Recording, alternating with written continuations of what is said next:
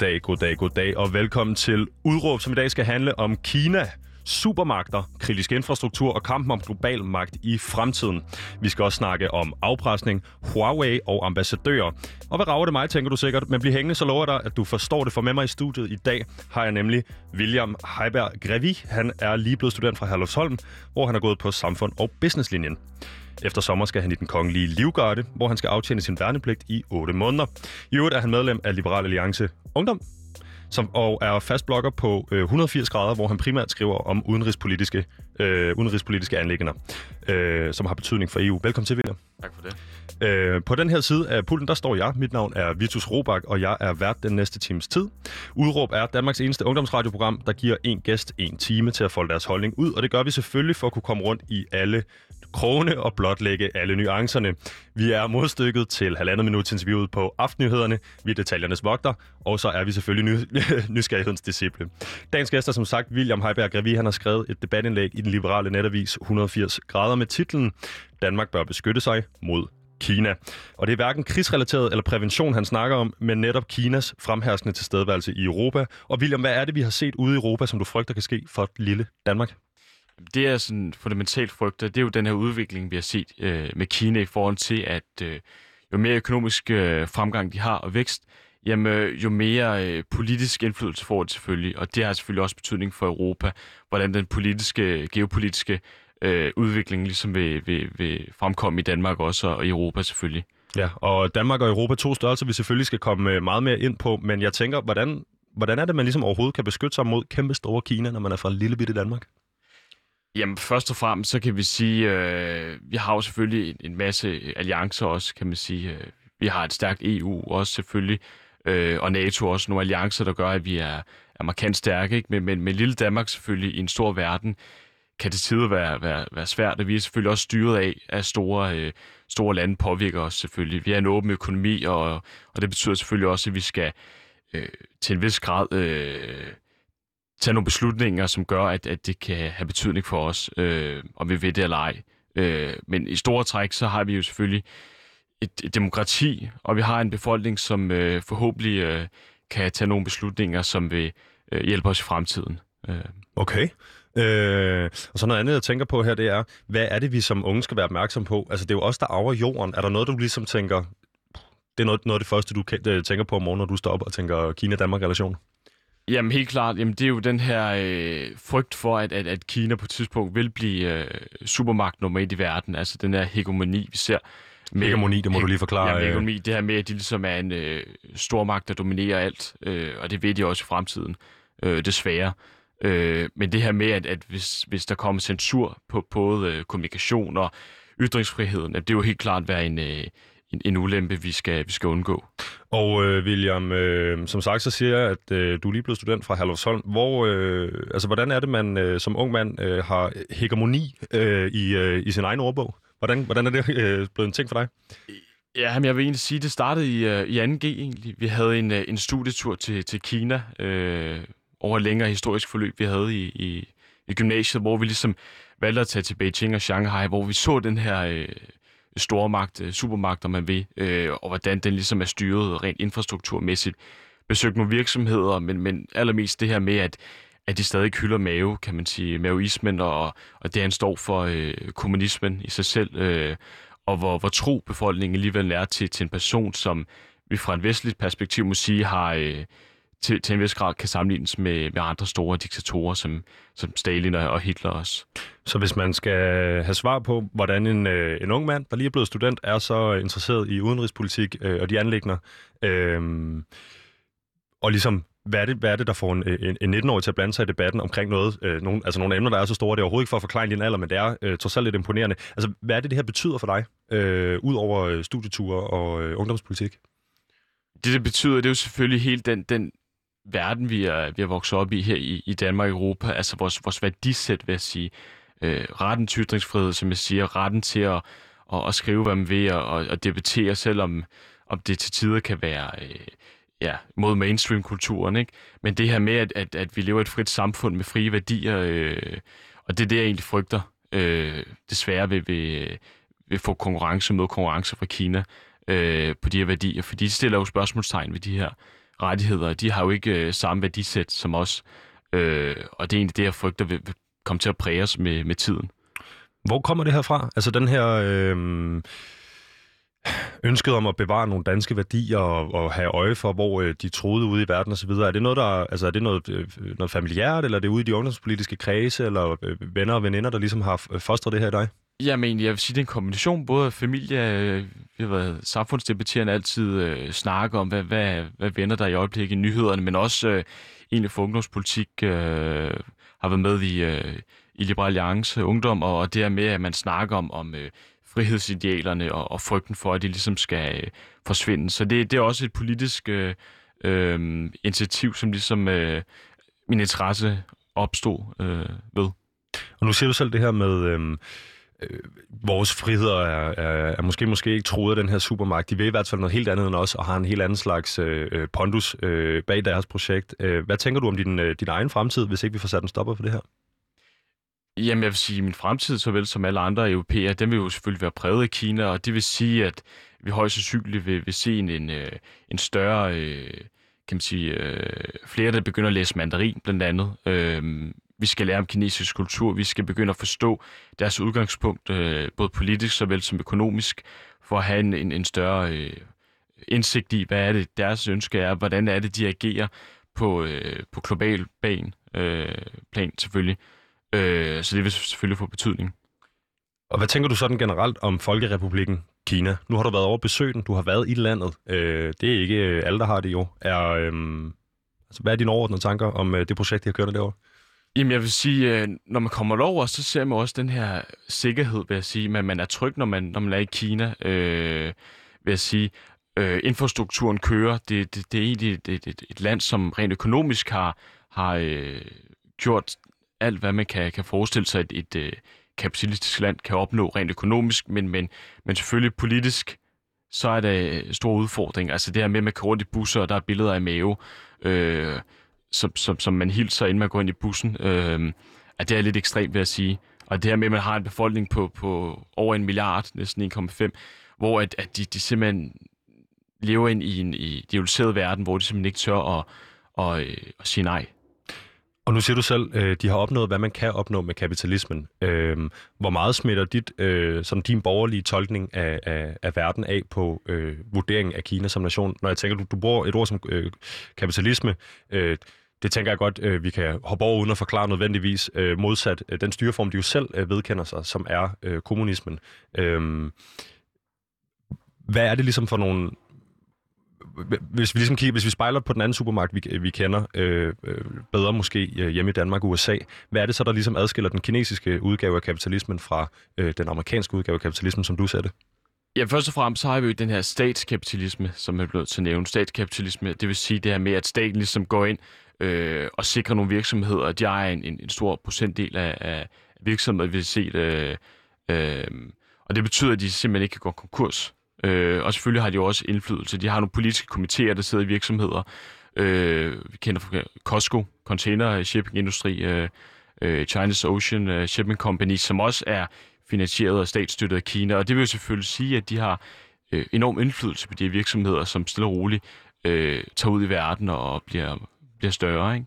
Øh, ja. Så det er den her statskapitalisme, som, som har virket umådeligt godt, øh, men som vi ikke har set øh, i USA og Europa på samme vis. Hvor den er mere privatiseret, så vi vil godt sige. Den er mere privatiseret, helt klart. Okay, så det, det er et spørgsmål måske om at se øh, den kinesiske stat som i sidste ende være øh, board of directors eller bestyrelsesmedlemmer i mere eller mindre øh, alle kinesiske øh, virksomheder, hvor vi i USA har nogle privatpersoner, øh, der måske nyder bedre økonomisk af det her øh, i deres eget liv, hvor det er i Kina er staten, der nyder øh, godt af økonomien. Ja. Okay, jamen, øh, William, vi skal jo snakke med os om Kina i dag. Og jeg tænker, for at vi kan gøre, øh, gøre det bedst muligt, så skal vi lige starte med en lille snas historie. Og det er ikke, fordi vi skal kede øh, hverken du, jeg, øh, lytteren eller søde Pauline ude i regien med øh, Kinas historie, men vi kan lige tage en, af, øh, en, en, lille, en lille dyk ned i nogle af de grundlæggende principper, øh, de arbejder med derovre. Jeg vil spille en lille snas af deres nationalsang. Prøv at høre her en gang. Det hedder, øh, det kommer vi tilbage til bagefter. Spiller den.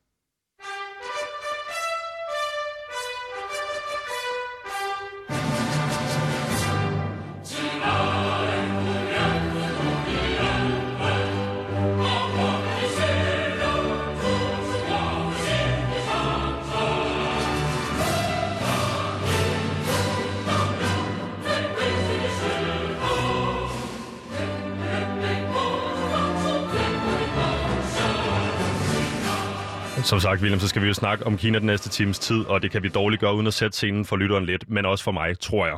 Øh, for jeg ved, at skæringsåret øh, 78 øh, er vigtigt, for det er der, Kina øh, begynder at lave økonomiske reformer og går ind i en periode med høj vækst og stigende øh, velstand for kineserne, der tidligere var super fattige og stort set alle sammen var bønder.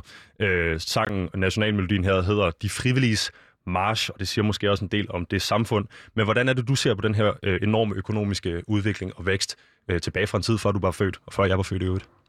Jamen, den udvikling, vi ligesom så i 1978, altså skiftet fra maoismen, altså Mao Zedong, som var, som var leder fra 49, det er Deng Xiaoping, der opretter den her nye øh, politik, som de kalder for den åbne dørs politik. Altså det her med, at de åbner for øh, udlandske investeringer, de ligesom øh, lukker op for Europa og, og Vesten, som ligesom kan komme og, og investere. Øh, det er ligesom formået, det var jo i starten, at, at vi havde et positivt syn på det, at, at vi troede selvfølgelig, øh, at der ville ske en modernisering.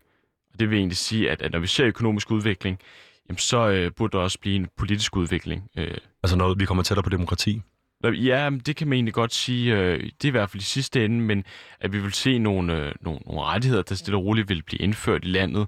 Øh, det har man også troet øh, længe vil ske. Nu er der så gået øh, par årtier, og vi har stadig ikke set det øh, i den grad. Men, men man, øh, man så den her økonomiske udvikling, som var en forudsætning for, at de ville kunne, øh, kunne opnå bedre politiske øh, stabilitet også. Øh, og det, der sker, det er, at de tjener, øh, altså de har en årlig vækst på 10% om året hvis man ikke er inde i økonomien derude, øh, og sidder og lytter med og tænker, hvad er 10 procent? Er det meget eller det lidt? Så kan jeg sige, at Danmark ligger omkring et par procenter i gennemsnit om året. Øh, altså det er helt sindssygt stor økonomisk vækst, vækst det her. Øhm, og det, der jo sker de første mange år efter 78, det er, de går lidt stille med dørene, de får lavet de her investeringsaftaler, øh, handlerne går igennem osv., men så sker der også noget, øh, det er nemlig det, at de ligesom begynder at udvikle en eller anden form for, hvad vi i Vesten jo nogle gange kan tolke som et lidt skævvredet selvbillede. Øh, hvordan ser du det her, øh, øh, den måde Kina prøver at portrættere øh, sig selv på ude i resten af verden, øh, i, i, i røven på de her øh, økonomiske udviklinger? Ja, man kan sige, øh, det portrætbillede, de, de laver sig selv nu, det er jo der med, at de mener, at de er ansvarlige. Øh, vi kan for eksempel se foran til miljøpolitikken nu, at selvom de øh, trods alt er et af de lande, der forurener mest, jamen, så er de også det land, der investerer øh, allermest i, i, i grønne øh, omstilling, i vedvarende energikilder. Og de mener jo også det her med, at de skriver under på Paris-aftalen, øh, det her med, at de skal være overtaget den position, som, som øh, USA har haft i, i rigtig mange år, især 90'erne. Altså, de vil være den nye ansvarlige supermagt, der, øh, der skal ligesom råde op efter USA, ikke? Øh, og Vesten har, har, har svinet i, i alt den lang tid her. Øh, så det er helt klart en, en, øh, et, et selvportræt, de har. Øh, altså, er det, er det dig og resten af den danske befolkning, der øh, har de her briller på øh, omkring, at du i, i debatindlæg, du skriver 180 grader, grader så benytter du dig af ordet øh, beskytte sig mod Kina. Øh, er det os, eller hvordan tror du, øh, sådan resten af verdens øh, syn på Kina er?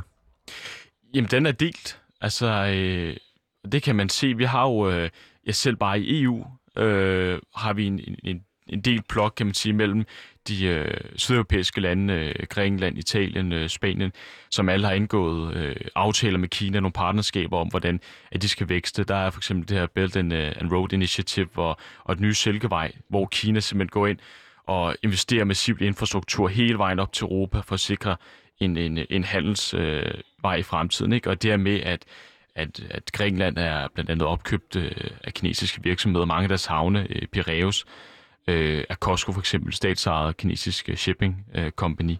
Øh, og de er egentlig meget åbne for de investeringer. Det samme som, som Afrika har vi også set, er super åbne. Mozambique også, blandt andet Zimbabwe.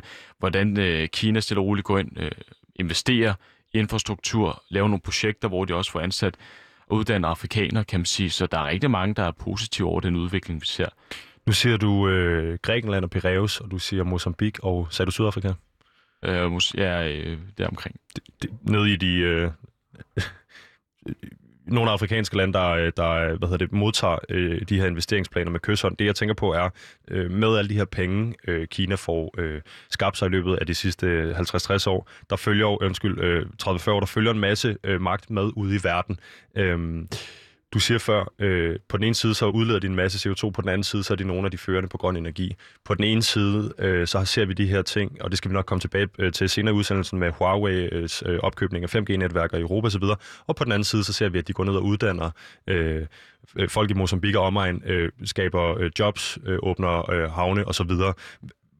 Hvordan tænker du, øh, altså hvad, hvad er din holdning til, hvordan de formidler den her magt? Øh, det lyder som om, det er godt på den ene side, og så ikke så godt på den anden.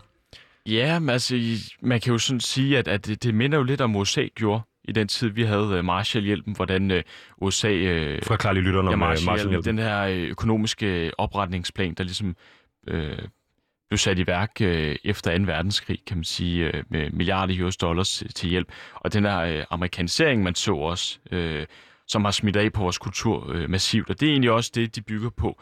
Man kan så sige, at forskellen er, at, at det er jo så den politiske øh, Øh, kultur, der adskiller os, kan man sige. Øh, Kina har selvfølgelig formået at sikre en, en vis øh, økonomisk vækst i de her afrikanske lande, og i Sydeuropa også. Men man skal bare vide, at der følger nogle, øh, nogle konsekvenser, nogle, nogle øh, kan man sige, øh, ja, nogle konsekvenser med.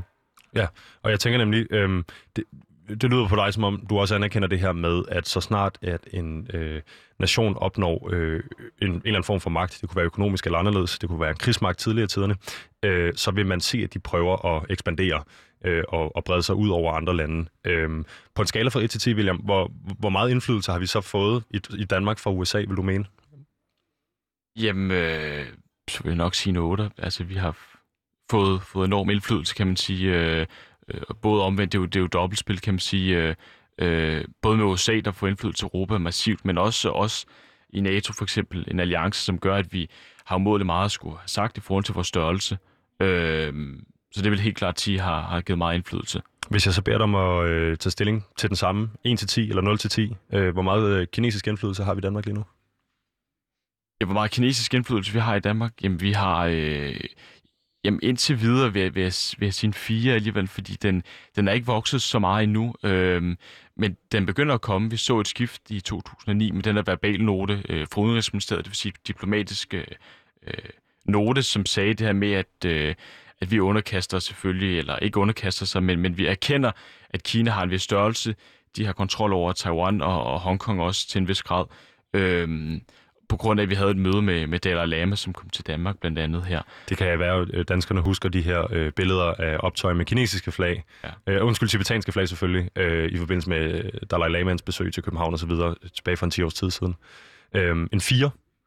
Ja, men jeg vil sige en 4 indtil videre, fordi vi står stadig i, i et stærkt EU, men, men, men den vil vokse markant i, i fremtiden de næste 10 år.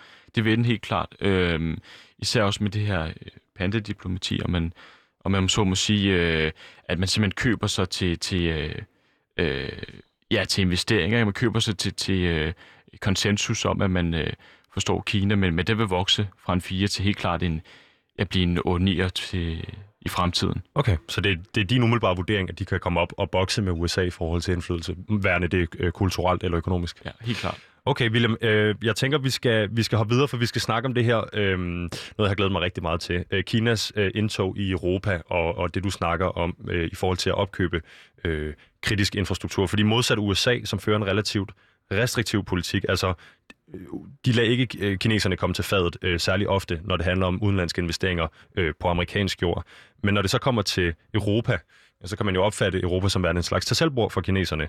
Øhm, tal fra Baker McKenzie, som er et amerikansk advokatfirma, viser, at Kina i de første seks måneder af 2018 investerede ni gange så meget i Europa, som de gjorde i USA. Og jeg tror ikke, vi skal se de her øh, ni gange så meget som værende, øh, fordi de mener, at vi har bedre investeringsmuligheder. Jeg tror, man skal se på de tal ret meget som værende et spørgsmål om, hvor meget de må investere. Øhm, tænker du, der er en... Altså, i hvilken sammenhæng skal vi ligesom forstå de her tal? Kan man se Kina som havende en eller anden form for uendelig dyb punkt, og dem, der siger ja tak til investering, øh, kinesisk investering, de skal nok få det? Det kan man helt klart sige. Øh, det handler jo også om, at USA ligesom har, har også en præsident, der, der har meget stor fokus på det. De har også en, en, en supermagtstørrelse, som gør, at de har meget, øh, kan man sige, de er meget bekymret for den der øh, store, næststørste økonomi, Kina, som er ved at overhælde dem. Øh, og det er ligesom det, de har, øh, har tænkt sig ligesom at forsøge at bremse den udvikling. Øh, med hvilke argumenter, tænker du? Hvorfor vil man ikke have gratis penge? Det vil man blandt andet ikke, fordi med penge følger der også øh, nogle rettigheder og krav, øh, blandt andet. Og det er så politisk, kan man sige, at de helt klart vil stille nogle, nogle, nogle krav og nogle rettigheder til, hvordan der skal, hvad der skal ske med de penge efterfølgende. Ikke? Hvad tænker hvad kunne det være, øh, hvis vi skal inddrage lytteren lidt i øh, de her øh, økonomiske forhandlinger, der går rundt omkring øh, for eksempel investeringsaftaler? Jamen, de investeringsaftaler, vi ser blandt andet i Europa, især Sydeuropa her med de her havne, det er jo, at hvis de går ind og støtter økonomisk for at redde de her virksomheder, jamen så skal de egentlig også have øh, majoriteten af aktierne, kan man sige. Der er mange virksomheder, øh, som simpelthen, altså kinesiske virksomheder, der går ind og opkøber over 50 procent af de her virksomheder, som gør, at de har øh, umenneskeligt meget indflydelse på de her virksomheder, og den måde, at, at den fremadrettede strategi, strategi skal ligesom øh, øh, virke. Mm-hmm. Og det var så lidt, øh, kan vi sige, om, øh, om, om hvorfor USA siger nej. Hvis vi lige øh, tager og drejer øh, skiven tilbage mod øh, Europa, øh, og måske indtil videre lige holder Danmark lidt ude af ligningen her. Øh, skal, altså, så tænker jeg, skal italienerne og grækerne og alle de her andre øh, sydeuropæiske lande, som i overvejende grad siger ja tak til ny infrastruktur og hurtigt internet og alt muligt andet, skal de ikke bare være glade? Det synes jeg egentlig ikke. Øh, og, og det er fordi, at, at de er i en, i en krise, som vi i Nordamerika, øh, undskyld, Nordeuropa ikke har på samme måde. At de, er i forgældet, de har øh, så høje øh, gældsrater, som gør, at de har bare brug for kapital. Og det Kina kan, det er at give præcis den med medicin, de ønsker. Øh, The cold cash medicine. At det er lige præcis det, de kan give dem. Men vi bliver nødt til fra et EU-perspektiv at sikre, øh, at de ikke får indflydelse, kan man sige. Fordi øh, mere kinesisk indflydelse vil også betyde, at de, øh, at de øh, kan stille større krav til EU, blandt andet. De vil kunne, øh, kunne sikre nogle bedre øh, handels... Øh, øh, aftaler med, med EU, som gør, at, at de øh, med tiden vil, vil, vil herre som halsen, kan man sige. Modtaget. Og jeg vil sige, William, inden vi hopper videre og snakker lidt om Huawei, øh, så vil jeg sige til lytterne, der skulle have tændt derude efter timestart, at du lytter til udråb på Radio Loud. Med mig i studiet i dag har jeg William Heiberg Grevig. Mit navn er Vitus Robak, og jeg er vært. Vi har snakket om, øh, hvad, ligesom hvad Williams øh, forhold til Kina er, det har vi fået på plads. Vi har snakket lidt om Kinas udvikling siden øh, 78. Nu er vi gået ind i den her øh, del af programmet, hvor vi øh, for eksempel skal til at vende øh, Huawei, fordi der er jo øh, telegiganten med navn Huawei. For dem, der ikke har hørt om det her, i må have boet under en sten. Det er en, en kæmpe mæssig øh, televirksomhed, øh, som er i gang med at øh, rimelig offensivt og vil bygge de her 5G-netværk rundt omkring i Europa. Øh, og det er ikke, fordi vi skal til at snakke om, hvad 5G'en kan og hvad 5G'en ikke kan, øh, og i øvrigt, hvad det vil sige at være telegigant og alt muligt andet. Men vi har hørt en masse herhjemme om, øh, hvad der ligesom kan ske, altså hvad, hvad farerne er ved at invitere den her virksomhed ind, og det er overvågning, og det er deres øh, indflydelse på vores øh, kritiske infrastruktur, når det kommer til øh, øh de her 5G-netværk og vores øh, teleselskaber. Øhm, hvad, er det, hvad tror du, øh, vi kigger stadigvæk på Europa, hvad er det, du tror, der sker, hvis, vi, øh, hvis Europa ligesom inviterer kineserne øh, og gennem Huawei øh, ind i deres kritiske infrastruktur, når det er noget så essentielt som for eksempel øh, 5G-netværkene? Jamen, det der, det der vil ske, øhm, det er jo selvfølgelig, at de vil få umådeligt meget øh, indflydelse på hele vores kommunikation. Øh, det kan jo godt være, at, at de siger, at, at de ikke har indflydelse på det, og det er nogle lukkede øh, systemer, teknologisystemer, som gør, at de ikke øh, kan, kan agere der. Men, men det ved vi jo på noget kronik, kan man sige. Det er jo dem, der skal lave det, så øh, det er dem, der selvfølgelig laver brugsanvisningen, som, som de selv ønsker, øh, den skal stå. Øh, men det, der ligesom vil ske, jamen, det er jo, at hvis vi lukker dem ind på det EU europæiske marked, jamen så vil der jo øh, ske det, at de får kontrol over øh, vores kommunikation, de får kontrol over vores, øh, vores økonomi til en vis grad, og så vil de, øh, kan man sige, have mulighed for at, øh, at blackmail os også på nogle tidspunkter, og, og vide, hvilke strategier vi kører med, øh, fordi vi har adgang til, til det vigtigste øh, der er i verden, kommunikation. Ja, og så kan det være, at man sidder derude, og det er for god ordens skyld, at man sidder derude og tænker, hvorfor er det egentlig, de skulle få adgang til alle mulige informationer om os, fordi de bygger vores 5G-netværk, men det er altså fordi, at tanken med det her 5G-netværk er, at større dele af samfundet skal køre på det, øh, og når vi ser kritisk infrastruktur i forbindelse med 5G-netværk, så er det altså sådan noget som offentlig transport, det er sådan noget som hospitaler, det er sådan noget som, hvordan vi i øvrigt kommunikerer. Øh, det, det, jeg hører dig sige er, vi ved ikke, hvor grænsen går mellem Kina og Huawei. Er der nogen grænse der? Jamen, det ved vi jo sådan set ikke, kan man sige, og det er også det, der bekymrer os. Hvor går den grænse, den skillelinje? Fordi øh, ifølge forfatningen i Kina, jamen, så har de alle store kinesiske virksomheder, de har en, øh, øh, kan man sige, øh, de skal støtte Kina blandt andet, øh, og de leverer jo også, Huawei leverer, hvad hedder det, blandt andet sikkerhedsovervågning til Kina. Altså, det, nu skal vi komme for meget på det, men i Kina har man selvfølgelig overvågning i, i stort set hele landet. Man har et, et system, som, som gør, at de har kontrol over hele befolkningen. Øhm, og det er blandt andet Huawei, der er med til at, øh, at skabe den her teknologi. Så hvem ved, hvordan det vil bruges i Europa? Det vil sige, det er en virksomhed, der i forvejen ved, hvordan man øh, aflytter og overvåger øh, en befolkning på, med, med næsten 1,5 milliarder indbyggere. Ja, og selvfølgelig også, hvordan de kan kan man sige, bruge det? Vil de bruge det? Kender de skillelinje mellem det kommercielle, altså deres private kunder, øh, og stater, og selvfølgelig deres, deres, øh, deres egen øh, stat Kina, selvfølgelig. Mm-hmm. Hvorfor tror du, at øh, Kina ønsker at skabe så meget indflydelse i Europa, når det egentlig ligesom klassisk set har været USA, der er den, ja, det er svært at sige, men udøvende supermagt i en eller anden forstand. Altså fordi man fristes til at citere øh, det gamle mundheld. Den, der betaler for musikken, bestemmer, hvad der skal spilles. Øh, er det ikke meget naturligt, at hvis man, hvis man putter penge i kritisk infrastruktur og i, i, i sådan set for at forøge livskvaliteten, blandt andet i Piraeus i øh, Grækenland, øh, at man så også ligesom skal have noget indflydelse, skal have lov at øh, bestemme lidt? Jo, men helt bestemt. Altså det kan man sige, øh, og de gentager jo bare det, USA også har gjort øh, tidligere. Øh, og det, det er selvfølgelig klart. Men, men vi må se det fra vores perspektiv af. Så det, ønsker vi selvfølgelig ikke at få mere øh, kinesisk indflydelse. Vi ønsker ikke at få øh, øh kom, altså censur over kommunikation. Vi ønsker ikke, at de skal præge vores, vores valg blandt andet, og den måde, vores styreform og demokratiet er bygget op på. Det ønsker vi jo selvfølgelig ikke, og derfor burde man også føre en, en mere strengere, måske form for protektionisme, sikre, at, at disse investeringer, der kommer, at de ligesom er godkendt og screenet. Og det har man også gjort blandt andet for EU-kommissionens plan, at man screener øh, udlandske investeringer fra, fra stater, og blandt andet Kina også. Screener udlandske øh, investeringer fra stater? Nu tager jeg Kina ud af den sætning, du siger der, og så siger du, indfører protektionisme. Hvordan spiller det i øvrigt sådan overens med øh, den borgerlige tankegang og liberal alliance osv.? Øh, derfor, Jamen, du det går øh, i modsætning. Det er jo et, et, et modsætningsforhold, øh, kan man sige. Men, men det vigtige i liberalismen også, det er jo også, at man sikrer øh, øh, hvad er det, statens øh, sikkerhed. Man sikrer borgernes fremtid. Og man kan sige, øh, vi står i en situation, hvor at hvis vi skal bevare de idealer i fremtiden, jamen, så må vi også sikre os, at, at udlandske stater som Kina blandt andet ikke får mere indflydelse. Øh, og det må man selvfølgelig sikre ved at lave en screeninger. Det skal så siges, at de her screeninger, som EU-kommissionen laver, at de stadig er de selvstændige stater, der vurderer, om de stadig skal, skal godkende de her investeringer. Jeg tænker på øh, den 18-årige havnearbejder, arbejdsløse havnearbejder nede på Reus i det sydlige, øh, sydvestlige Grækenland, skulle jeg mene. Øh, har gået uden job længe, og det er hårdt med økonomien dernede, og de er vant til at gå tidligt på pension og alt muligt andet. Vi har fulgt med i mange år nu siden finanskrisen osv. Ind fra højrebenet, eller ind fra højre siden, kommer der øh, stor øh, udenlandsk investor, og lige pludselig så har du et job, og din bror har et job, og din fætter har et job, og der er mad på bordet osv. Kan, kan man tage lidt af de her kinesiske penge, når det er godt for for eksempel øh, arbejdsløsheden i øh, Grækenland, eller er det en øh, stik med hånden, de tager hele armen situation? Jamen, jeg forstår egentlig godt, hvorfor man siger, ja, det må være fantastisk, at der lige pludselig kommer nogle muligheder, der, der, øh, der de kun kunne drømme om.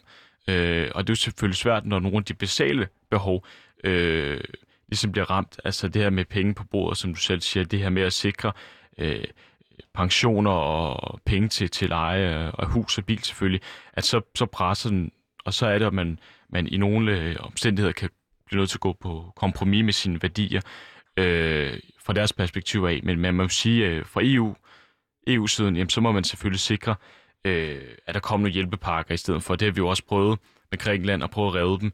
Øh, de har selvfølgelig haft nogle politiske øh, fejlprognoser, kan man sige, fejlpolitik, som gør, at, at de også øh, selv er skyldige, at de er i den situation, de er. Men, men der er det bedre, at vi sikrer internt i EU, at de kan få nogle, nogle hjælpepakker.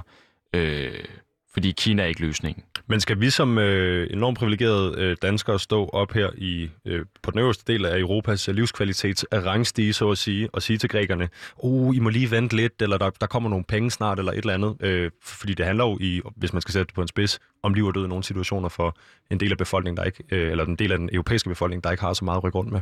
Ja, og det mener jeg ikke intellektuelt, men økonomisk selvfølgelig. Skal selvfølgelig lige økonomisk, ja. ja det, det mener jeg stadig, vi har et ansvar til, fordi Øh, vi er selvfølgelig en institution, som gør, at vi kan øh, diskutere det her. Det har de ikke forudsætning for øh, økonomisk, kan man sige, dernede. Øh, men jeg, jeg mener, at, at vi som især her i, i Nordeuropa og også EU som institution, ligesom bør sætte nogle grænser for, øh, hvor meget øh, de må tillade at have nogle kinesiske investeringer, øh, mener jeg. Mm-hmm. William, øh, vil du være med til Line Leg? Selvfølgelig. Fedt, så sætter vi lige noget, øh, noget, noget, noget underlægningsmusik på her. Vi får den lige en gang til de frivillige march. Øh, fordi Jeg vil da sige til først og fremmest øh, lytteren, der er tændt efter teamstart derude, du lytter til Udråb på Radio Loud. Øh, med mig i studiet i dag har jeg William Heiberg Grevi. Mit navn er Vitus Robak, og vi snakker Kina.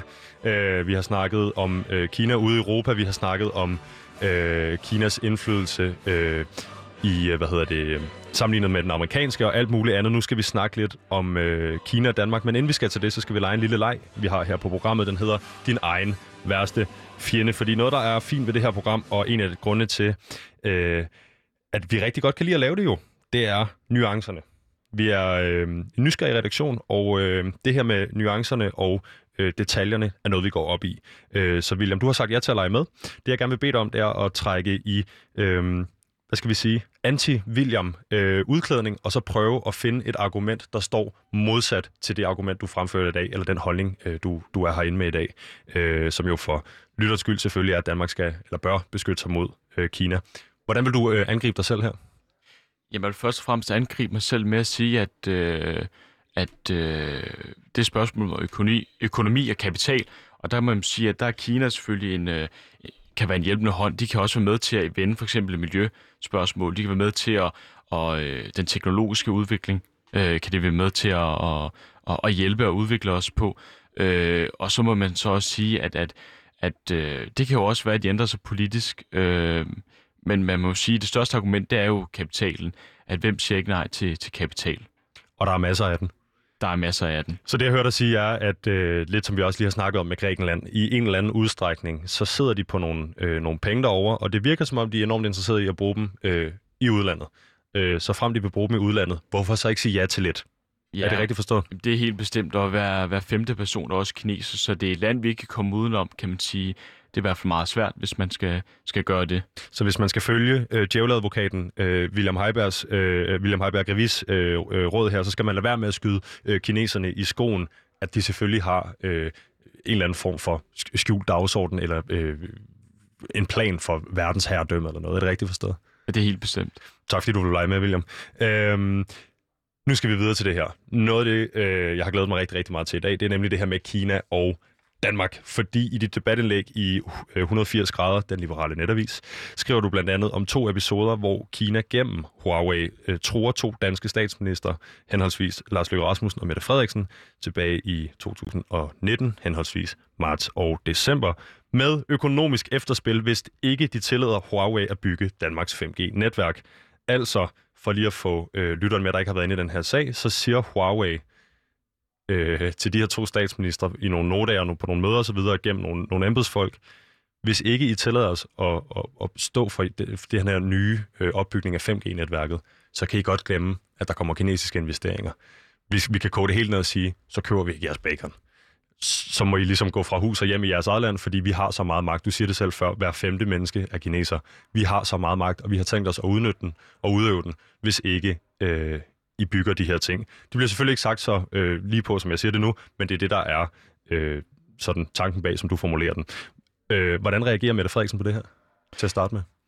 Ja, man kan egentlig sige, at hun har, har valgt også en, en ny kurs siden 2009. Den er verbal note, hvor vi var egentlig meget kinavenlige. Kina-venlige. Vi har været øh, flere gange nævnt som et af de mest Kina-venlige øh, nationer øh, i EU. Øh, men hun har egentlig valgt en ny strategi, og hun har blandt andet også sagt, at vi skal være meget mere Kina-kritiske. Hun har været ude øh, og sige, at vi skal lave nogle, også nogle screeninger og sikre, at øh, den sikkerhedspolitiske dagsorden, øh, at den ikke bliver ligesom øh, angrebet af Kina. Så hun har egentlig, øh, trods de her øh, økonomiske trusler og advarsler, man må sige, jamen, så har hun egentlig valgt en, en ny kurs, og det, øh, det er, synes jeg, man skal tage hatten af for. Det synes du, man skal tage hatten af for. Er det fordi, det her er øh, historien om øh, David og Goliat, eller er det fordi, at du har været øh, utilfreds med måden, vi øh, drev politik på ud fra verbalnoten i 2009? Jamen, jeg vil egentlig sige, at det er en kombination selvfølgelig. For det første, at, at øh, ja, den verbalnote, vi lavede i 9, at der havde vi øh, selvfølgelig... Vi fik pandadiplomati, der har vi også fået nu. Vi har været venlige sindet over for dem. Øh, men vi har egentlig ikke øh, stillet spørgsmålstegn omkring den, den politiske udvikling. Hvordan vil de øh, påvirke os? Øh, vil de begynde at lave øh, censur? Øh, vi så blandt andet så sent som øh, med coronaflaget her, vi lavede fra Jyllandspostens side, at øh, det blev rådet fra, fra Kinas øh, ambassade i Danmark, at det skulle pilles ned. Øh, og det er ligesom det spørgsmål, øh, der, der skiller vandene. Hvordan skal man ligesom øh, tage stilling til det? Har vi set dem andet end at råbe højt? Altså tager de, tager de handling på de her trusler? Jamen det, det kan man jo sige, fordi øh, efter Dalai Lama var på besøg, jamen, så kom der jo øh, økonomiske sanktioner fra Kina, kan man sige. I værste fald kan man sige, at de, øh, de købte mindre øh, fra dansk øh, erhvervsliv. Så det kan man sige meget tydeligt, at, at det vil, øh, vi vil selvfølgelig få nogle konsekvenser af de handlinger, vi tager. Og det vil sige, at det her øh, globale udenrigspolitiske spil kommer til helt reelt i sidste ende at påvirke øh, den øh, baconproducerende landmand? Det vil det. Altså, og det vil være... Øh, det er den diskussion, man må tage. Altså, er vi parate til at, at selvfølgelig få en, en økonomisk losing, øh, men trods alt stå, stå fast med vores værdier? Fordi hvad er øh, alternativet, vil jeg sige... Øh, hvis man kalder sig demokrater, så skal vi selvfølgelig også stå, stå inden for det, øh, koste hvad det vil, kan man sige. Og den her økonomiske losing, som jeg forstår det på dig, er ikke nødvendigvis en, der bliver delt ud til øh, nogen, der nødvendigvis har siddet, ved, øh, undskyld, siddet øh, med ved forhandlingsbordet. Øh, det vil som regel være øh, den, den gennemsnitlige dansker, eller producenten, eller noget, den dur, mere end det vil være en personlig økonomisk, øh, undskyld, en personlig øh, losing til Mette Frederiksen for eksempel. Ja, det kan man, men det, det er jo både og, fordi rammer deres økonomisk, så rammer det jo også vælgerne, kan man sige. Og derved også øh, Christiansborg, kan man sige. Øh, og det er jo ligesom det dilemma, man, øh, man står over for. Øh, skal vi øh, sige nej over for, for Kina med vidne, at, at det vil ramme os? Og hvad mener du der? Der mener jeg, det er mere om, om vi, øh, om vi simpelthen tør at sige nej til, til Kina, tør at, at, at give dem en, øh, øh, et tilbageslag, kan man sige, og også sige, at vi finder os ikke i de her øh, investeringer. Vi finder os ikke i den måde, I prøver at... Øh, og, jamen, man kan snakke om den her kinisering, der sker øh, også med Huawei. Nu har vi sagt nej til, at Huawei kan, kan blive en del af hvad hedder det, 5G-netværket i Danmark. Øh, og det er ligesom det, jeg tænker på, at det er det, vi må stå fast ved. Hvis vi vipper øh, Mette Frederiksen af pinden og indsætter William Heiberg Revis som øh, dansk statsminister, øh, vil du så lægge kursen øh, radikalt anderledes om, når det kommer til Kina? Jeg vil sige, at jeg vil føre en, en, øh, en, en hårdere og strengere udenrigspolitik i forhold til Kina. Jeg vil også blandt andet sikre på, på de europæiske møder på EU-plan, at man har en strengere kurs over for dem, at man har selvfølgelig nogle, øh, nogle, nogle instrumenter, politiske instrumenter, der sikrer, at med, med udlandske investeringer, så, øh, så skal der selvfølgelig øh, ikke være nogen øh, altså krav, kan man sige, på den måde i form af politisk øh, indsigt og politiske øh, kan man sige, øh, beslutninger, som de ligesom kan, kan tage vare på. Øh, Øh, selvfølgelig er, er kinesiske investeringer, øh, alle kinesiske investeringer er selvfølgelig ikke dårlige, men man må sige, at vi må sikre, at, at de vigtigste investeringer, der kommer, de store investeringer, der lander på, på bordet, at de skal selvfølgelig gennemtjekkes. Tilbage til den her David og Goliath-metafor. Øh, er, er, er du ikke bange for, at øh, kineserne tager og løfter deres tommelfinger, og så bare tværer Danmark ud? Fuck jer, I kan ikke noget. I er øh, ikke engang 10 millioner mennesker. Hvad ved I? Jamen, det kan man selvfølgelig godt nervøs for, men man må sige, at, at det er jo også, øh, de skal jo heller ikke skyde den hånd, øh, deres økonomi er kommet fra. Det er jo EU, og det er øh, Nordamerika blandt andet, som har øh, været forudsætning for den udvikling, de har. Og de er øh, umådeligt øh, afhængige af, af os selvfølgelig, ligesom vi også er, at det er en gensidig afhængighed, der er. Vi forbruger, og de producerer, kan man groft sagt sige. Og øh, der skal være selvfølgelig overensstemmelse med det. Nu snakkede vi tidligere om det her med Huawei's øh, meget, meget, meget tynd grænse mellem dem og den kinesiske stat, og de altså går ind og siger til to øh, statsministre inden for ni måneder, øh, at de har tænkt sig at udøve øh, økonomiske sanktioner mod os, øh, hvis ikke vi lader dem bygge det her 5G-netværk. Nu har vi ikke lavet dem bygge det her 5G-netværk. Øh, hvad nu? Nej, nej, jamen selvfølgelig. Øh, det bliver spændende at se, hvad der vil ske, kan man sige. Øh, det ved vi ikke øh, endnu indtil videre. Øh, men jeg synes, det er vigtigt, at vi har sikret os, at, at de ikke får indflydelse på, på 5G-netværk. Altså noget af det vigtigste øh, i fremtiden, som, som vil øh, sikre, at de ikke får adgang til det. For vi må huske 5G-netværket, at der vil blive så mange ting på det netværk, altså er vigtige øh, oplysninger fra både staten og private virksomheder, at øh, det er vigtigt, at de ikke får fingrene i det. For hvis de gør, så har de også. Det må man sige. Ja. Øhm, du skriver jo det her debatindlæg, Danmark bør beskytte sig mod Kina. Jeg tænker på nogle af de her andre sager, vi har haft. Øhm, på nuværende tidspunkt hedder den kinesiske ambassadør i Danmark Li Ruiu. Øhm, tidligere har der siddet en øh, ambassadør for ikke så længe siden, der hedder Feng Ti. Øh, og i forbindelse med nogle optagelser til et tv-program øh, sidste år, så bliver den tidligere øh, ambassadør fanget på bånd, hvor han angiveligt skulle have sagt, øh, eller fortalt færøske diplomater, øh, at de godt kunne glemme handelsaftaler med Kina, hvis ikke de lod Huawei bygge deres 5G-netværk. Det er noget, der gentager sig. Øh, ikke kun i Danmark, og ikke kun på Færøerne, og hvad vi ellers affilierer os med, øh, men over hele Europa. Hvor, hvor, meget, hvor, meget, altså, hvor mange europæiske lande skal de bruge på det her netværk, før de har overtaget? Ja, man kan sige, at øh, de ønsker selvfølgelig fuld øh, dominans over hele øh, EU, kan man sige, og det er jo derfor, at de nu sikrer en, nogle vigtige handels, øh, kan man sige, lande. De har blandt andet købt, øh, opkøbt større øh, internet øh, virksomheder i, øh, og tech-virksomheder i, i Tyskland selvfølgelig. Det er det tyske marked, de skal ind på, det er det franske og det engelske marked, kan man sige, og det er de fuld gang med. Men de ønsker jo selvfølgelig også øh, de mindste øh, brækker, kan man sige. Så det er jo også det, vi så med, med fagøerne, at selv, øh, selvom vi er med i rigsfællesskab, så går de øh, ind ad bagdøren, og det var egentlig også det, de, øh, deres formål var, at man gennem fagøerne så kunne komme ind ad den bagdør. Øh, så de bliver ved. Øh, Snedigt. Ja.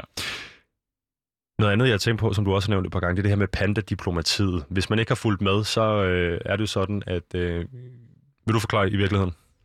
Jamen, pandediplomati, det er jo den her politik, som Kina har ført længe, at øh, er man venligsind over for Kina, gør man, hvad det siger, jamen, øh, så får vi et par søde pandager. Øh. Og det, når jeg skal lige sige til lytteren derude, William står ikke op. Pandager er ikke dæk, dæknavn for atomvåben eller et eller andet andet. Det er to pandager, Dyret pandagen, som vi så får lov at dykke, øh, bygge et, det var så Bjarke Engels, designerbygget pandabur til ude i Zoologisk Have. Så vi får to pandager, hvad så? Jamen, vi får to søde pandaer, og det er jo, de er jo selvfølgelig super søde. Det har jeg selvfølgelig ikke noget imod. Det er bagsiden af, af medaljen, og man så må sige, der, der er bekymrende for... Når folk ser de søde pandaer, så ser jeg noget andet. Jeg ser et, et samarbejde, som går forud for, øh, for vores politiske øh, interesser for EU, og det er, er symbolet på den kinesiske ekspansion til, til Europa blandt andet. Ja. Hvad med... Øh Altså, skal, skal vi, hvis det stod til dig, skal, skal vi sende de der pandaer tilbage? Ja, de skal sendes hjem. Det synes jeg helt klart. Men øh, det kommer det også automatisk, hvis vi fører en, en, en strammere udenrigspolitik, fordi det er jo nogen, vi har til låns, og dem øh, vil vi gerne af med. Og jeg tænker om de her pandaer, og øh, nu vil jeg ikke fejlciteres for, det er Kinas nationaldyr, jeg tager et skud og siger, det er det. Øh, er det ikke, har det ikke så stor en symbolværdi, at det, at det bliver småfarligt at lægge sig ud med, øh, øh, Øh, altså med, med de her pandaer med Kina? Jamen det, vil, altså det kommer an på, om vi gør det fra EU-plan, fordi fra EU-plan, så er vi jo en af de største økonomier i verden med, med over 500 millioner mennesker. Gør vi det der, jamen så vil de øh, blive nødt til at lytte, samtidig med, at, at USA også øh, går ud, deres udenrigsminister Pompeo går ud og siger aktivt, at vi skal føre en, en meget strengere politik. Og der kan man sige, at øh, der ligger Europa lige nu i tvivl. Vi ligger øh, og kæmper mellem to øh, skilleveje. Skal vi følge USA? Skal vi have en hårdere udenrigspolitik? Politik, eller skal vi gå den modsatte vej? Og det vi ser lige nu, det er jo det her med, at samtidig vi kritiserer lidt Kina, men vi tør egentlig ikke at, at, øh, at, at, gøre noget aktivt. Og det ved Kina egentlig også godt, at EU ikke tør, for vi har nogle vigtige investeringer, som vi er afhængige af. Nu har, vi, nu har vi de her pandaer ude i øh, det Bjarke Engels designede øh, enclosure øh, habitat. Jeg har ikke det rigtige ord for det. Bur øh, ude i øh, Zoologisk Have. Øh, samtidig med det, så har vi øh, Mike Pompeo, der øh, siger alt muligt fra amerikansk hånd. Vi sidder ligesom i midten af det her øh, geopolitiske spil. Øh, hvad sker der, hvis vi ikke gør noget? Hvad sker der, hvis vi bliver ved med at trække tiden? Er der så nogen, der træffer beslutningerne for os? Jamen, hvis vi vælger ikke at gøre noget, så vil vi jo stå i, i dilemma, fordi på den ene side, så har USA fuld øh, kurs mod mere protektionisme, men det, der vil ske, det er jo, at, at Kina stille og roligt langsomt vil, vil, vil vokse sig større i EU, og på et tidspunkt vil vi være så afhængige af dem, at vi ikke kan tage nogle beslutninger. Øh, vi har, de har blandt andet den her Made in China 2025-plan, om at de skal være førende øh, på flere teknologiske parametre. De ønsker ikke bare at være verdens øh, kan man sige, fabrik, men de ønsker at være førende på, på øh, fremtiden, altså tech-virksomheder og, og vores øh, måde at leve på. Spiller det en rolle for dig, hvordan øh, danske handelspartnere for eksempel forholder sig til menneskerettighederne? Jamen det gør det, kan man sige, fordi øh, for nogen virker det lidt som om, at, at, at kapital kan, kan gøre alt, og så stiller man ikke spørgsmålstegn med, hvad der vil ske, og hvordan det er produceret. Øh, det er selvfølgelig vigtigt, at vi, vi står op for de her menneskerettigheder, som vi har skrevet under på, som står i forfatningen. Vi kalder os demokratier, men øh, når det så kommer til handling, så, øh, så virker det som om, at, at, at det har vi glemt. Så, så hvad, hvordan er det for dig? Er det noget, altså gør det, er, det, er vi ude i det går ondt i maven, og det er pisse irriterende, eller er det lidt sådan øh, verdens tilstand også er nogle gange, og vi skal også have noget olie fra Rusland eller øh, Mellemøsten osv.? Ja, det er jo selvfølgelig, selvfølgelig ærgerligt, og, og man må også være realist og sige, at, at vi er selvfølgelig også afhængige. Vi kan ikke udelukke Kina fuldstændig. Øhm, og, og, det, og det, der selvfølgelig vil ske med siden, det er, at der vil komme en form for ny kold krig, øh, kan man sige.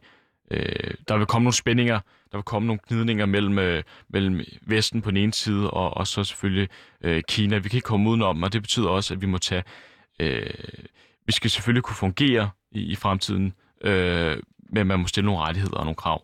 Og nu ser du det selv, fremtiden, og det skal vi snakke om øh, nu her, William. Øh, dog inden vi kommer til det, så vil jeg da lige fortælle øh, lytteren derude, der skulle være stillet ind efter timestart, at øh, du lytter til udråb på Radio Loud. Dagens gæst er William Heiberg Grevi. Mit navn er Vitus Robak. Vi snakker Kina, Kina, Kina. Vi har snakket Kina i Europa, vi har snakket Kina i Danmark. Vi har snakket om de her lyssky måder at øh, øh, ligesom tiltvinge sig adgang til øh, det, det europæiske marked og samfund, øh, men hvordan det også kan være, øh, altså der er to sider til den her sag. I øvrigt har vi lejet øh, din egen værste fjende med William, øh, hvor han siger, at der kan selvfølgelig også godt være en fordel i at tage nogle af de her penge, hvis altså man kan antage, at de kinesiske intentioner ikke er dårlige. William, nu skal vi snakke om det her med fremtiden, fordi du er 19, jeg er 24. Øh,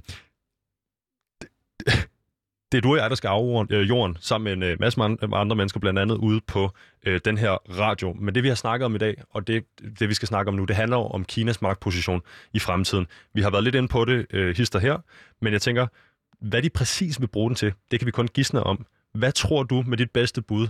Hvad er, hvad er Kinas store plan med det her, med at, med at overtage mere magt? Er det bare en, en blind jagt øh, på mere magt, eller er der en eller anden konkret plan med, hvad de vil bruge den her magt til? Jamen, jeg tror, at, at, at, at historien gentager sig, øh, ligesom vi så med USA, amerikanisering. Det vil der også ske med, med Kina. De ønsker at få mere indflydelse, kan man sige, øh, på verdensplan. De vil være ansvarlige for, for øh, både den økonomiske handel, men også øh, for miljøspørgsmålet, kan man sige. Øh, de ønsker jo også, at, at vi skal lære mandarin, vi skal lære om kulturen, vi skal have en forståelse for, hvordan de lever, og deres levemåde øh, er selvfølgelig den rigtige følge dem. De vil præge øh, verden. Men er det, tænker du, det er nok for alle de her penge, de går og poster i, i, i det internationale samfund, at, at nogen skal lære at tale mandarin eller forstå deres kultur bedre? Jeg tror også, at de ønsker selvfølgelig at få, få massivt indflydelse, altså kontrol. Øh, til tider kan man jo tale om en totalitarisme, altså det vil sige, at de både har indflydelse på politiske såvel som ikke-politiske områder, øh, og de vil selvfølgelig præge Europa øh, og, og resten af verden, som vi ser. Nu siger du selv det her med mandarin. Kommer vores børnebørn til at tale flydende kinesisk, fordi det er tvunget overhovedet på dem i folkeskolen?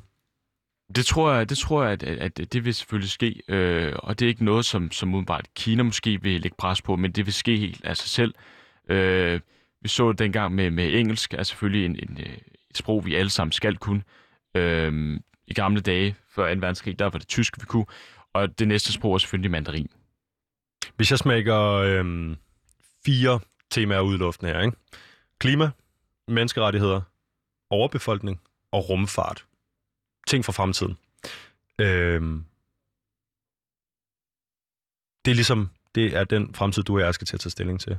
Hvordan tænker du, hvis vi bare tager dem øh, sådan relativt kort, men en af gang, at vil, vil kinesisk overherredømme på jorden være godt for klimaet?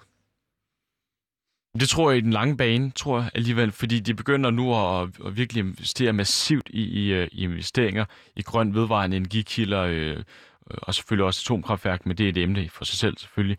Øh, og de ønsker også at, at, ligesom at øh, de har jo skrevet under på, på Paris-aftalen, de ønsker at gøre alt, hvad de kan. Øh, så det tror jeg i fremtiden øh, vil være godt. Så klim- klima får et tjek. Ja. Hvad med menneskerettigheder? Det får i hvert fald ikke et tjek. Det får et 0-2. Det, får, det får et 0-2. Det er dumpet. Øh, 0-2 består, så vidt jeg husker, men lige med røven i vandskåben. Ja. Øh, overbefolkning, og det er her, jeg tænker på, at vi simpelthen er for mange mennesker på den her klode, så den kan klare det. Er det godt eller dårligt med kinesisk overherredømme? Man kan sige, at øh, med politisk udvikling, jamen, så har vi jo blandt andet sige, at så kommer der øh, færre børn også, men man får simpelthen færre, for man får den her karriere livsform også. Så jeg, jeg tror egentlig, men det er på, på lang, lang øh, sigt, øh, at så vil der simpelthen øh, komme en, færre, en mindre befolkning i Kina. Så, så det vil også få et lille tjek, tror jeg. Der får et lille flube ind. Og så tænker jeg til sidst noget, der er lidt mere uhåndgribeligt, men rumfart. Altså, vi har set, at Donald Trump er enormt interesseret i at øh, gøre noget på det her område, og øh, man kan vel nærmest snakke om, at der er en slags rumkapløb nummer to i gang nu, også med private investorer for første gang i ret lang tid. Rumfart og, øh, nu vil jeg så sige det på engelsk, exploration of space. Er det, øh, får det et tjek for dig her, hvis øh, det var Kina, der stod med verdensherredømmet? Jamen, hvis vi kigger på deres øh, investeringer inden for teknologi, jamen, så vil de jo selvfølgelig med fremtiden stå med nogle vigtige øh, teknologier, som, som skal bruges blandt andet til, til rumfart, så de vil selvfølgelig også komme ind i det øh, kapløb. Og nu får jeg lige nævnt øh, Donald Trump på vejen der. Øh, man må jo, øh, den står til regning for sig selv, men man må sige, at det amerikanske præsidentembede er mere svækket, end det har været øh, rigtig, rigtig længe. Øh, tror du, de arbejder, øh, altså arbejder de på at få, få rykket på det her nu, mens USA står så relativt øh, svækket geopolitisk, som de gør? Altså amerikanerne, de, de vil selvfølgelig prøve at, øh, at slå igen, kan man sige. Øh, helt klart. Men tror du, ki- kineserne håber på, at han bliver genvalgt, så de, kan få, så de har fire år, hvor de virkelig kan sætte øh, deres øh, aftryk på verden? De håber selvfølgelig på, at han bliver genvalgt, tror jeg. Øh, fordi han, man kan sige, at han er øh, god til at grave sin egen, sin egen krav, øh, er meget god med.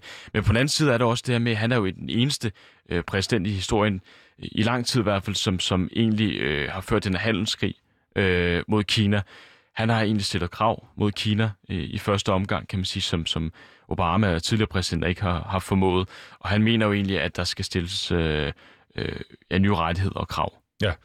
Øhm, så tænker jeg på, om det er vigtigt for dig at få taget stilling til, om, altså på nations vegne, men øh, nu er det dig, jeg spørger, er det, er det vigtigt at få taget stilling til, hvilken en af de her nationer, vi skal bakke op? Vi har været lidt ind på det før, eller kan vi, kan vi lade de to ligesom kæmpe den øh, handelskrig og så videre hen over hovedet på os, og så må vi bare acceptere øh, udfaldet og den vinder, der måtte komme?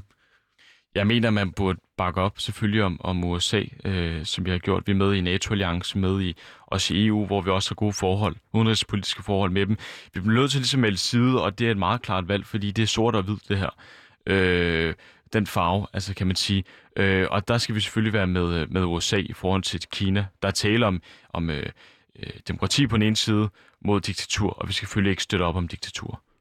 Hørt, William. Og jeg vil sige, at vi er ved at være løbet tør for tid, men jeg vil lige have lov at stille øh, der et sidste spørgsmål. og det går sådan set bare på, øh, du er 19, jeg er 24, jeg har nævnt det tidligere. Øh, vi står over for den her øh, forandring i verden. Kineserne får mere og mere magt. Det er det, programmet handler om i dag. Har du en opfordring til lytteren derude? Er der noget, individet kan gøre sådan for at imødekomme øh, den her problematik og supermagten Kina? Vi skal deltage i samfundsdebatten mere ved at sige, at det er vigtigt, at vi prøver vores ytringsfrihed, at vi, vi råber op. Vi gør opmærksom på, at, at vi er utilfredse og har et kritisk, øh, skeptisk syn over på, på Kina. Det er vigtigt, at vi ligesom øh, tager stilling til emnet, øh, og det er derfor, jeg mener, at det er vigtigt, at vi deltager i nogle, nogle samfundspolitiske forumer og kommer ud med det, øh, og stemmer på nogle partier, der selvfølgelig øh, ønsker at, at debattere det, sætte det op i EU og også diskutere det mere. Øh, det er væsentligt. Hvad er det for nogle partier?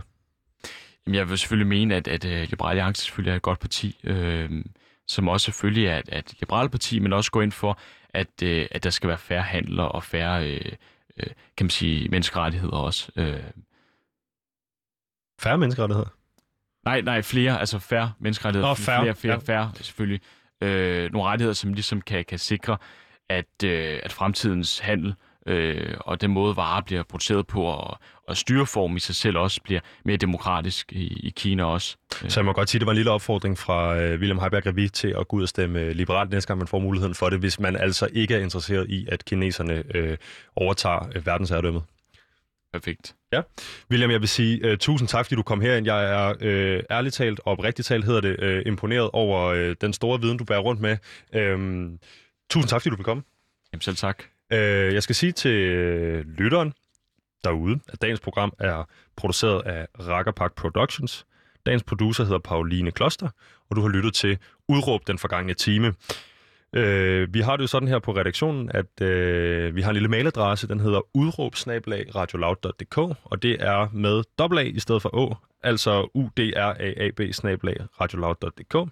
I morgen er vi tilbage igen med et program om selvkærlighed, om onani, om selvhed og alt muligt andet. Det er min medvært inde, Pauline, der har øh, det program. Det skal I glæde jer til. Mit navn er Vitus Robak, og tusind, tusind, tusind tak, fordi I lyttede med.